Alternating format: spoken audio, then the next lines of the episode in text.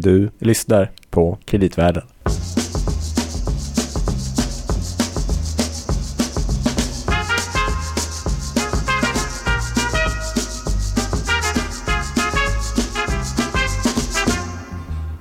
Varmt i ordets alla bemärkelser välkommen till ett nytt avsnitt av Kreditvärlden. Eh, när vi spelar in det här är det fortfarande högsommarvärme. Vi hoppas att den har hållit i sig. Det är ju som vi flaggade lite för i senaste avsnittet lite mer sommartempo på den här podden. Eh, och inser, jag inser, mitt, det är så varmt så att jag blir helt förvirrad. Jag sitter ju faktiskt här med Louis Landeman. Hej Gabriel. Chef för kreditanalyser på Danska Bank Markets. Jag tänkte bara jag skulle presentera dig också. Och jag heter Gabriel Agin. Så det är avklarat liksom. Jag kan säga att det är lika hett ute nu som det är på kreditmarknaden. Kreditmarknaden är alltid hett. Det är bara frågan Ofta. om, om eh, omvärlden förstår det. Det kanske är sant. Det kanske är sant. Nej men eh, det att du säger sådär passar ganska bra för att vi ska prata idag om några episoder då det har varit lite extra hett på kreditmarknaden kan man säga generellt va? Ja, vi kom ju tillbaka i slutet av förra avsnittet så kom vi in på att det var ju en mäklarfirma där som fick problem och gick i konkurs i USA. På Och så sa vi, 80-talet. ja, exakt. Och så sa vi att vi skulle återkomma och diskutera kring hur, reda ut lite mer kring det här med krisande banker och vad som kan hända och hur det kan skilja sig åt lite från när ett företag krisar och rekonstrueras. Så det är väl temat för dagen. Och eh, när man studerar ekonomi på, eller åtminstone företagsekonomi på universitetet då jobbar man mycket med case. Så att idag har vi med oss tre stycken case. Just det. Mm. Så vi ska först prata om vad som hände i Sverige på fastighetskrisen i början på 90-talet. Mm. Och sen blir det lite Irland och Mm. lite Cypern. Mm. Eh, Men kanske Ett bara... tvärsnitt genom hela Europa kan man säga. Ja, Precis. Mm. Men kanske bara först för att, eh, så att säga, va, vad är det som skiljer sig åt bank, krisande banker, krisande företag kan man ju säga som så här att i Sverige, precis som i många andra länder, det har inte funnits någon speciell lagstiftning som hanterar just en banks konkurs. Så att egentligen så ska ju en banks konkurs regleras precis på samma sätt som ett företags. Och det är väl både naturligt och rättvist kan man tycka. Men problemet då som Uh, myndigheter och andra har tyckt när banker har krisat är att om det är en stor bank, om man låter den gå i konkurs precis som ett företag, så kan det ju få väldigt stora följdeffekter på ekonomin. För det är ju många företag och privatpersoner, inte minst, som är beroende av eh, en fungerande bankmarknad för att kunna sköta sin egen eh, verksamhet. Man kan prata om spridningseffekter eller contagion på engelska. eller? Ja, och dessutom så är det ju så att eftersom kan man säga alla banker är ju ganska aktiva på kapitalmarknaden bland annat så kan det ju få väldigt stor spridningseffekt bland banker också så man är ofta rädd för att om en bank eh, skulle kollapsa så kan det sen bara sprida sig vidare och det såg vi väl väldigt tydligt det här efter Lehman då när när liksom eh, amerikanska myndigheter inte backade upp den, den uh, mäklarfirman och hur det liksom både påverkade hela världsekonomin Mm. och även hur ett stort antal banker både i Europa och USA eh, höll på att kollapsa där man från olika staters sida gick in och ställde ut olika former av garantier för att rädda hela finansiella systemet i slutändan. Mm, Det kan ju sprida sig på olika sätt men just i det fallet så var det väl också mycket att man visste inte riktigt vilka institutioner som hade liknande positioner som Lehman och därför också var påverkade fast de inte hade rapporterat än. Så det var väl ett sånt sätt. Att man, Det Mm. var en stor osäkerhet helt enkelt om kvaliteten. Eh, men det kan väl också helt enkelt vara så att om eh, Lehman får stora problem till exempel då så ökar ju deras upplåningskostnader vilket gör att värdet på de som har Lehman-obligationer, eh, deras portföljer tappar ju i värde då. Vilket gör att de kanske måste sälja annat för att finansiera den förlusten. Liksom. Och Ja. det är också en typ av spridningseffekt. Precis. Mm. Men då kan man säga att, eh, så då kan man förstå varför man gör det. Så kan man säga att självklart den stora nackdelen med att göra det här det är ju att de som så att säga borde drabbas av förluster som är då kanske aktieägare och liknande i de här bankerna inte får de förlusterna eh, utan istället ska det hanteras av skattebetalarna. Och då brukar man ju prata om det här moral hazard problemet det vill säga att det finns det lönar sig så- att säga eh, för ägarna i de här bankerna att ta extra risk för man räknar med att någon man ändå kommer att få hjälp. Så det här det här är ju en väldigt stor del i när man diskuterar nu hur ska vi ändra banklagstiftningen i Europa och försöka få eh, tydligare regler för att aktieägare och andra som är längre ner i kapitalstrukturen verkligen ska drabbas av en förlust när en bank krisar. Men att man kanske ger stöd längre upp i kapitalstrukturen om man uttrycker sig så. Då. Mm. Men nu är, man, för nu är man ju på väg med ett mer liksom formaliserat system för det här med det nya bankstödsdirektivet i EU då. Som inte mm. har trätt i kraft än men som fortfarande Eh, som har kommit ganska långt i förhandlingarna man röstat för i parlamentet. Mm. Men då, då tänkte mm. vi så här att uh, man brukar ju nämna Sverige och svenska statens och myndigheters agerande i början på 90-talet i den krisen. Att det, det är ett väldigt lyckat exempel på hur man kan hjälpa banker i kris och ändå kommer staten så att säga, ganska lindrigt undan i slutändan. Mm. Och då kan det ju vara Man kanske... har ju svenskar som var med på den tiden som åker runt nu i Europa är experter här och där. Liksom. Ja, och även i USA och allting. Där. Ja, ja visst. Precis som, som alltid, på att säga, upprinnelsen till krisen var ju exponering mot uh, fastighetsmarknaden och stigande, mm. stigande fastighetspriser. Så vi kan väl börja med en lite tillbakablick från det glada. glada. Vi pratade om det glada 80-talet på Wall Street förra avsnittet. Vi kan mm. prata om det glada 80-talet. Hur lät det i Sverige på 80-talet, Gabriel? Vi får en liten stämningsindikator här till att börja med. Från en, från en bank. Nu ska vi se till att det blir lätt att låna klöver vi i Enkla banken ger dig snabbt det du behöver. Titta bara in till oss och säg vad du vill ha. Vi har gott om pengar och vi säger gärna ja. Vårt lån till exempel eller lån till nya poolen. Längtar du till Bali och den härligt varma solen? Självklart ska du låna det du saknar hos din bank. Lånar du hos småbolagen kan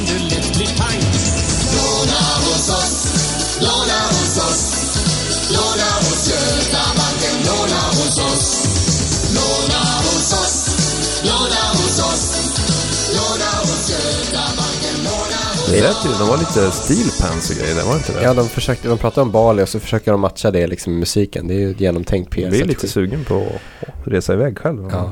Det man hör också är att de pratar ju själva om de här småföretagen då. Eh, citat. Att Just de känner det. sig konkurrensen från alla mm. möjliga nya aktörer som gör billiga lån. Och då känner de sig också tvingade. Men då i alla fall, då lånar man ut väldigt mycket pengar. Mm. Eh, Upprinnelsen till det här eh, Eh, vad heter den, tillväxten på fastighetsutlåningen var ju egentligen avregleringen av kreditmarknaden som var där uh, under 80-talet.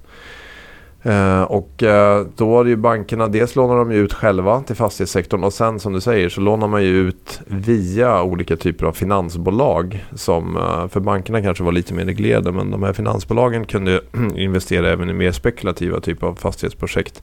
Och så i och med att bankerna lånade ut till dem så fick man ju också en indirekt exponering på så vis då.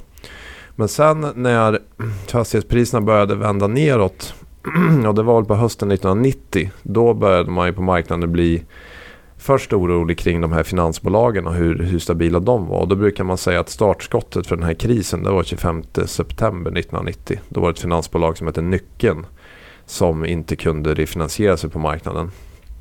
Men då var det fortfarande lite tidigt så då, så, då sa myndigheten att ja men eh, vi behöver inte ge något stöd till de här finansbolagen men man liksom såg över och gjorde lite regeländringar och så vidare. Och sen så gick, ja, så kan man säga att det, det rullade på gradvis. att Först var det, det var väl något år senare, sen var det första Sparbanken och Nordbanken och som båda hade eh, väldigt stora kreditförluster som, som gällde fastighetsutlåning och behövde ta in mer kapital. Eh, och eh, Nordbanken då, det fick uh, den var 70% statsägd så det garanterade också staten en ny emission. Men sen så förvärrades allt eftersom fastighetsmarknaden försämrades så förvärrades krisen. Eh, och det blev fler banker som fick eh, kreditförluster. Och det var ju också en, en lågkonjunktur i Sverige och vi hade ju då en, en fast ränta eh, på den tiden. Och, och då var även Riksbanken då tvungen att göra väldigt kraftiga räntehöjningar för att man skulle försvara den, den svenska kronan. Uh, och det här blev svårare och svårare och det, det här kommer man kanske ihåg att det var en väldigt kort period där vi hade en ränta på 500 procent. Men sen, det här blev ju ohållbart och då, i 19 november 92 så fick man släppa den här eh, fasta växelkursen och då föll kronan med 25 procent tror jag ungefär mot, mot D-marken då. och i sin tur, det här fick ju fart på exportindustrin eh, så småningom men Men samtidigt initialt så blev det ju problem då för flera företag som hade tagit lån i utländsk valuta och även bankerna hade ju mycket lån eh, i utländsk valuta. Och då blev ju utländska investerare oroliga och det blev svårt för bankerna att få finansiering. Eh, och sen så, så gick då Gota AB i konkurs eh, också i september 92. Och senare i september 92 då, då så meddelade regeringen att nu så kommer vi föreslå en allmän statlig garanti för alla banker. Eh, och även Riksbanken använde likviditet, gav likviditetsstöd till, till bankerna så man gick in väldigt, väldigt kraftigt här då. Och sen så eh, vidtog man vissa åtgärder. Att man sköt till kapital eh, till bankerna och in, insatte en sån här, eh, vad säger man, bad bank uh, struktur. Ja, det är väl det, för att det man kan säga då, och det är väl det som också har varit en förlaga även i senaste kriserna och som man har varit väldigt nöjd med är ju då att man delade upp då bankens till, bankernas tillgångar i de som var så att säga good och bad. för att använda Ja, två exakt. tekniska Ja, engelska precis, termer. ja. Ja, nej men där eh, de tillgångar som faktiskt betalade, alltså de lån som faktiskt betalade räntor och amorteringar i tid fick ligga kvar i banken men man flyttade ut det som var eh, så att säga bad, de som inte längre betalade på, på räntor och amorteringar. Mm. Eh, och då för Nordbanken den hette Securum Just det, mm. precis. och Gotabanken den hette ju Retriva. just det. Mm. Eh, och det här har ju varit lite som en förlaga. Det är väl kanske inte första gången man gjorde det i Sverige men det har ändå varit liksom ett lyckat sätt. Och då får den här Securum då helt enkelt eh, allt eftersom eh, försöka få tillbaka så mycket som möjligt från de här dåliga lånen. Eh, samtidigt som den andra banken kan leva kvar då på Mm, exakt. Och sen så var det ju så att man, man fattade några ganska lyckosamma beslut där från myndigheternas sida. Till exempel då att man sa ska vi hjälpa till där och gå in i de här bankerna då ska vi gå in och se till att få kapital. Vi ska inte i första hand egentligen ge garantier utan ge aktiekapital och då, för då har vi också en del sen att när vi kan sälja av det då får vi en del av vinsten och då kan vi få tillbaka våra, de pengar vi har satsat så att säga. Mm. Och en annan sak var att där, man kunde så skulle man se till om man tog över en bank att aktieägarna skulle få förluster. För att man skulle minimera det här med moral hazard så att alla skulle liksom inte komma undan utan man skulle känna att ja, okej det här var, här tog vi för stor risk och jag fick en förlust. Um, och sen var det ju också det här med då att man skulle göra starka åtgärder som återrättade förtroendet och den här bankstödsgarantin då eh, såg ju till då att bankerna kunde fortsätta sig och, och finansiera sig och plus att man var väldigt öppen eh, med hur man hade räknat på värden och så vidare så att alla skulle, det skulle vara transparent. Det var också en sån lärdom att man skulle kunna se eh, och att liksom ha de här avvecklingsenheterna. Sen, Men, sen, det var ju bara aktieägare, du sa att de tog förluster Mm. men det var ju bara aktieägare som tog förluster. Huvudsakligen och, no, och några mm, eh, som är nära dem i kapitalstrukturen. Det var ju inte Mm. insättningar eller något sånt. nej, nej, exakt. Utan i de mer juniora. Ja. Eh, exakt. Så vi kommer tillbaka senare i Ja, avsnittet hur det kan, vad som händer. Mm.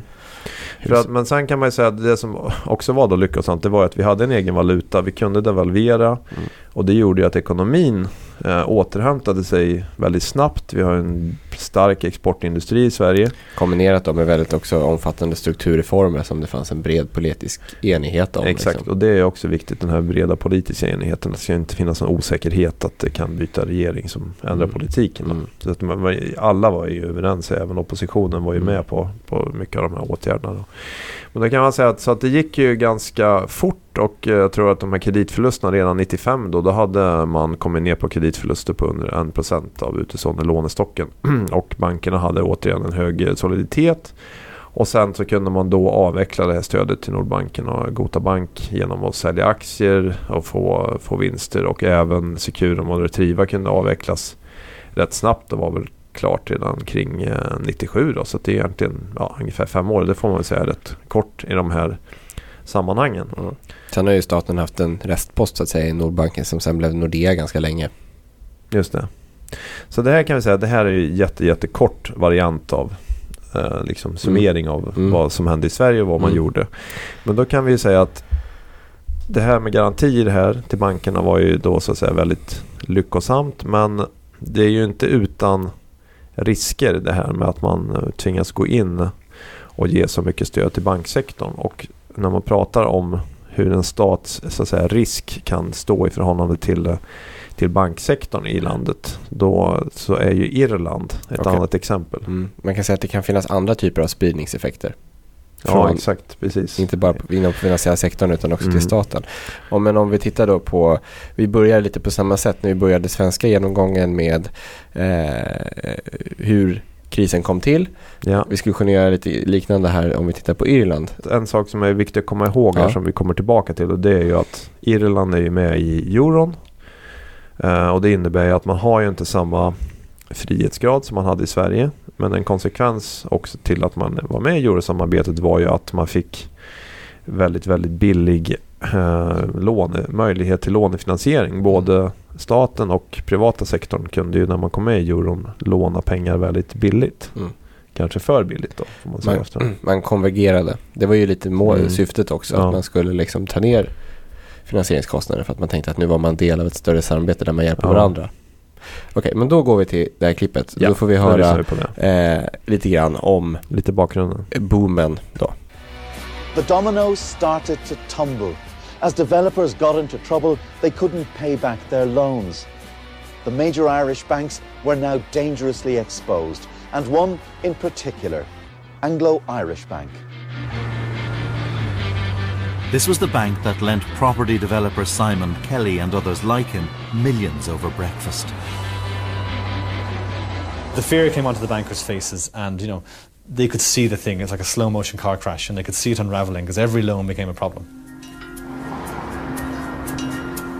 Anglo had made the fatal mistake of believing property prices would keep rising. When they collapsed, the bank was left with more than 30 billion euros in losses. What you saw here at the bank was recklessness, um, overconfidence, um, uh, lack of investment in infrastructure, uh, no checks and balances. It was all uh, a very nasty cocktail. Ja, där kunde vi ju höra ganska tydligt hur det liksom växte fram här. Att var, man, man investerade ju extremt mycket i fastighetssektorn och stora projekt. Stora bostadsområden bland annat och kontorsområden som eh, sen liksom när fastighetspriserna började vända neråt ekonomin försämrades eh, egentligen stod helt tomma som, som spökstäder och då blev ju då naturligtvis framförallt var det Anglo-Irish som liksom hade varit mest aggressiv Eh, och lånat ut till flera stora byggherrar och sådär eh, som fick störst förluster. Men hela, hela banksektorn på Irland var ju, var ju liksom drabbad. När krisen blev akut eh, 2008 då beslöt man sig då för att i första skedet gå ut och, sätta garantier för många av de här bankerna. Och det kan vi lyssna på lite också vad som, vad som hände, vad man gjorde då. då. By the end of 2008, Anglo and the other banks were facing collapse. The Irish government made a fateful decision. It would bail out the banks to the tune of billions. You didn't have any idea of the scale of the Irish bank's crisis when you offered the guarantee. No, it's fair to say I knew they were rocky, but I didn't think that they were shaking as badly as they were. Why on earth would you give them such an open-ended guarantee if you didn't have the facts? But but Wasn't the, that reckless? no, because the other option then was to have a, to have an immediate default and the knock-on consequences that would have had for the Irish economy. Det han säger är helt enkelt att man tar beslutet att vi måste ställa upp med garantier för att Mm. om vi låter banken gå i default eller ställa in betalningarna så skulle det ha då större spridningseffekter. Ja, och det här, det här är ju precis eh, lite efter Lehman och då... det kan man säga förresten för det fast- framgick inte eftersom vi lyssnade bara så var det där finansministern. Just det. Ehm, Exakt. Och då den här garantin man ställde ut då var ju väldigt allomfattande. Så det var ju faktiskt både senior till senior, bankernas seniora skulder men även vissa juniora skulder. Och sen kan man säga att den här garantin löpte tror jag två år. Och, men vad som hände var när man sen började närma sig slutet på den här garantiperioden. Då bankerna hade då under tiden inte, hade väldigt svårt att få finansiering som sträckte sig längre än, ingen ville låna ut pengar liksom efter den här tiden som statsgarantin om man säger gick ut.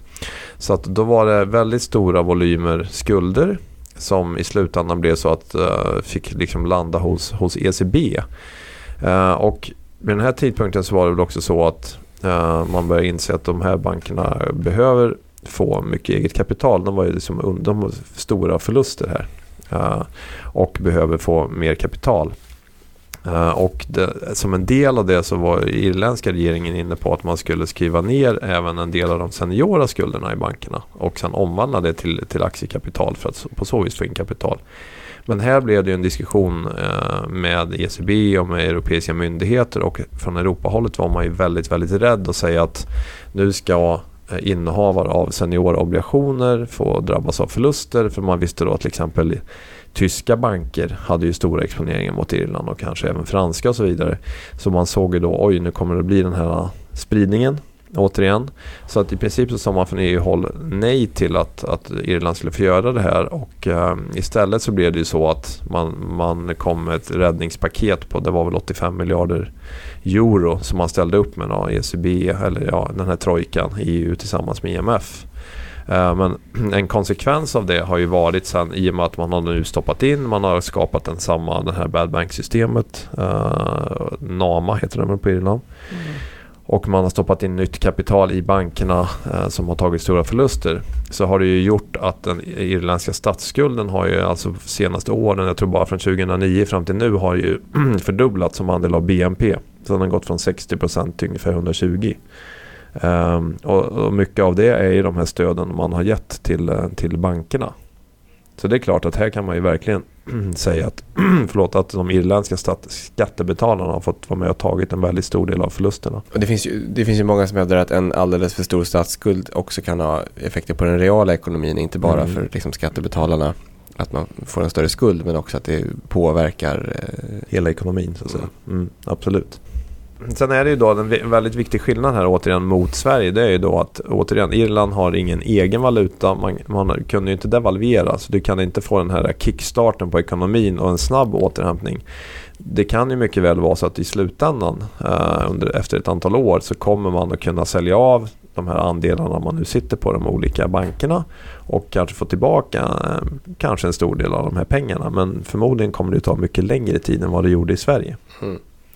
Och då, är ju, alltså, då brukar man prata om att lösningen är att man måste göra en så kallad intern devalvering, alltså sänka kostnadsläget i... Sänka löner och så Ja, vidare. i Få fart på konkurrenskraften. Ja. Och det är ju det, det stålbadet kan man säga som man har egentligen gått igenom här på, på Irland under, under Mm. senare år. Mm. Vi kan komma tillbaka kanske i slutet av det här avsnittet bara lite för att det finns ju en liten strimma av hopp där vad gäller Mm. Irland. Att det Mm. ändå finns en försiktig återhämtning. Ja. Men nu, då har vi noterat att ja, det här blev ju inte så kul så att säga för de irländska skattebetalarna. Och då har man ju konstaterat under krisens gång i Europa att nu är det hårdare tag som gäller när det är krisande banker och man måste skriva ner kanske i vissa fall eh, även för seniora obligationsägare. Och det, det en, ett exempel på det väldigt tydligt. Det var, det var ju det som skedde här på Cypern. Och då får vi säga att nu kommer vårt tredje exempel och den tredje historiska tillbakablicken vad som händer. Och samma tema igen. Fastigheter, äh, aggressiv utlåning. From a country based on farming and tourism, Cyprus transformed into a financial services powerhouse.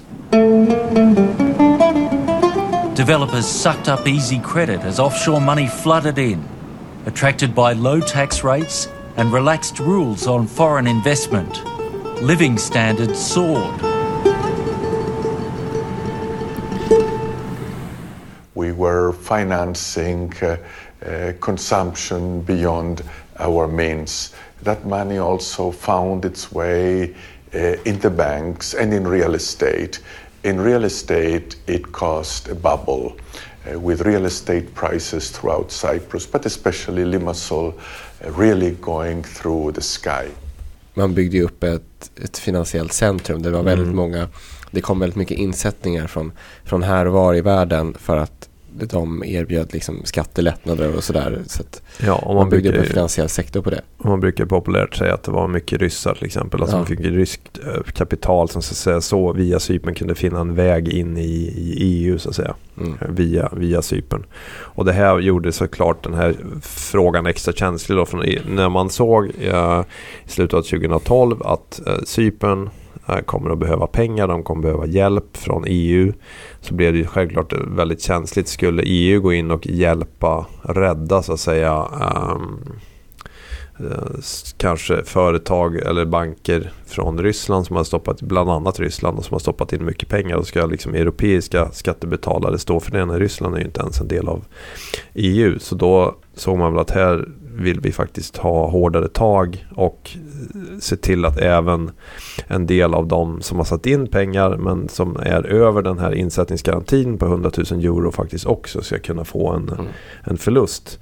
Och inte minst eh, ljuset av att de cypriotiska bankerna hade också betett sig ska vi säga, väldigt aggressivt. Och det, Det det är hyfsat, kanske- eh, som du säger, aggressivt risktagande kan man väl säga. För att de var ju då väldigt exponerade mot grekiska statsobligationer. Eh, som ju, där, det får vi komma in på ett senare avsnitt, men där blev det ju en stor förlust. Och vad, hur, hur gick det här till? Och det kanske vi ska lyssna lite snabbt på.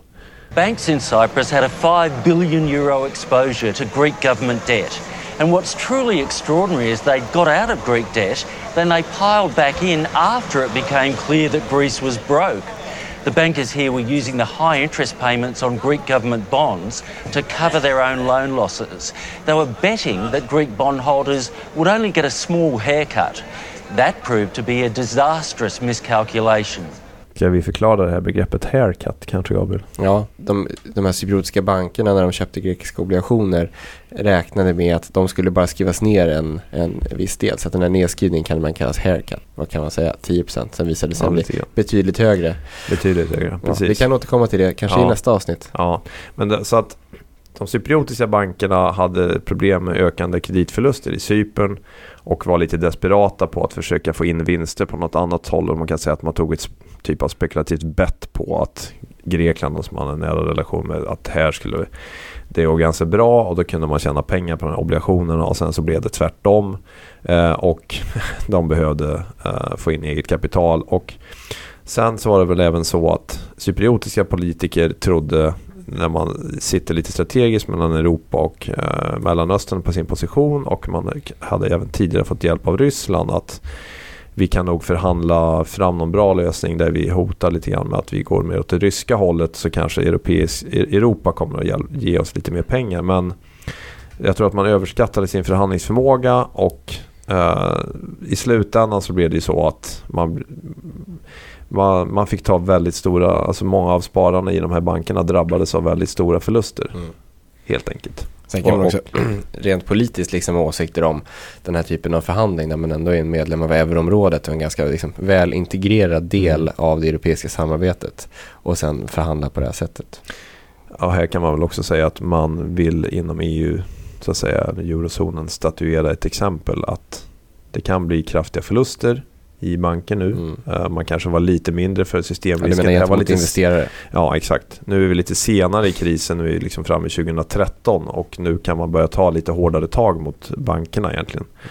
Eh, så att vi kan ju lyssna då som sista klipp här på, på om Cypern på vad liksom, hur lite utfallet blev här. Speeches like this can be heard right across southern Europe right now. But what's different about Cyprus is that for the first time, bank accounts of ordinary people have been raided to raise money.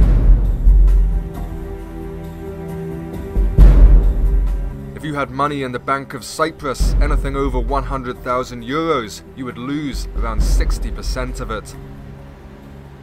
And in Likey Bank, anything over 100,000, and you would have lost the lot. Ah, you know what? What I remember one guy. He's coming. He was he was do like that, and he was crying. He has uh, two million, and uh, they took everything. You know, and they give him only one uh, hundred hundred thousand, I think, something like that. Do you know anybody who lost money? I know many people. I know I know a friend of mine uh, sold one house for uh, 800,000 euro and he put all in the banks. and how much has he got left of that? 100,000. I- around Europe, do you think everybody's money is safe? Is my money safe? No, no, from now, no. Vi fick Ja. höra lite olika cyprioter på gatan där också. Ja, exakt, precis. Men eh, det man kan säga är väl att när de pratar om att de förlorade alla sina pengar och de, det man säger är att alla insättningar över insättningsgarantin som är på 100 000 euro Ja. eh, sen 2010 tror jag, kom man överens om det. Eh, de, är, de skrevs ner helt enkelt då för att rekapitalisera de här bankerna. Mm. Och det kan man väl egentligen säga, det borde ju egentligen inte vara så överraskande för att garantin har ju varit ganska tydligt sträcker sig bara till 100 000. Mm, exakt. Men man har så att säga implicit, alltså indirekt har ändå myndigheten ofta känt att nej, men vi vill ändå undvika att det blir några, några förluster. Men här, vad man gjorde här var också att, ja, här så blev det också olika storlek på förlusterna beroende på hur den, alltså den Likey Bank var väl den som var värst då och då eh, där blev det liksom 100% förluster och sen så blev det mindre för en del andra. Så det, det, blev ju väldigt styrt kring hur mycket kapital tyckte man att respektive bank behövde så att säga få in. Mm, så det är klart att det var lite av en game changer. Ja, absolut. Och också att man införde kapitalkontroller sen också. Att man kunde inte föra ut eh, euro från Cypern. Eh, förutom under vissa restriktioner. Och det var väl också för att skydda mot stora utflöden. Eh, och vad, vad, brukade man säga förra året? Att en, en euro på Cypern är inte detsamma som en euro någon annanstans. Nej, vilket, vilket, i, vilket i sig är ganska intressant om man nu har ett valutasamarbete. Att det verkligen inte är en fritt rörlig valuta faktiskt så länge inom euro, euroområdet. Ja. Det är ju ganska intressant. Men äh, allt det här sammantaget visar ju då på att äh, det finns behov av att försöka få klarare lagstiftning kring hur man ska hantera krisande banker. Och det här har man ju jobbat med sedan finanskrisens början både i USA och i Europa. Ehm, och man har ju antagit eh, ja, det här, alltså, i Europa pratar man om den här nya bankunionen Eh, där man också har försökt komma överens om hur ska det gå till när en bank krisar, hur, vilken ordning ska skulderna skrivas ner och eget kapital. Och man har ju även lanserat en ny typ av instrument som kallas för COCO-obligationer, Contingent Convertibles. Och det, jag tror att det får vi komma nästan tillbaka till vid något senare tillfälle då. För det här är ett ganska stort område i sig. Men, men hela den nya lagstiftningen går ju ut på, och även vad myndigheter i Sverige gör, att bankerna ska ha mer kapital än vad man har haft tidigare. Uh, och, och liksom det ska finnas tydligare regler kring vilken likviditet man också ska ha så att man inte är så beroende av kort finansiering på marknaden och inte så exponerad om det blir svajigt och så vidare. Så att, och hela syftet med det är ju att, så att säga, bankerna ska hålla eget, tillräckligt mycket eget kapital så att skattebetalarna inte ska behöva kliva in. Mm. Och också att man ska tydliggöra vad som kommer gälla i förväg. Ja, exakt. För som vi konstaterade här vad gäller Irland och även Cypern så finns det en väldigt stark koppling mellan en banks kreditkvalitet och statens kreditkvalitet. Och eh, apropå det här med, med krisande stater, för att nu var det ju ingen, i alla fall inte på på Irland och så, så att staten eh, hamnade, alltså de var, var, illa ute men man har ju inte hamnat i någon form av, man fick kommit in, man kom in i ett stödpaket, man har inte skrivit ner statens skulder. Men ett land som faktiskt har gjort det är ju Grekland. Uh, så det, det skulle vi ju nästan faktiskt. kunna ta i nästa avsnitt och ha som ett helt eget avsnitt och bara mm. prata om vad som har hänt i Grekland. För det är otroligt intressant och mm. även vad som händer just nu och mm. kommer de att klara sig eller inte och så vidare. Och när man tänker på Grekland så känns det, tycker jag, ganska mörkt faktiskt, det som händer där. Men vi vill ju inte sluta ett avsnitt i så här väldigt mörka tongångar så vi kan väl Ska vi inte sluta med någonting från Irland att det kanske där finns det kanske en liten strimma av hopp i alla mm. fall. Vi har ju kommit in lite, lite grann nästan i som mannen på gatan tema här. Just med de här superioterna. Så att vi kanske lyssnar på några irländare också. Några irländska personer på gatan. Tack vare BBC. Vad säger, vad säger de? Mm. Ireland's obsession with property seems over for now.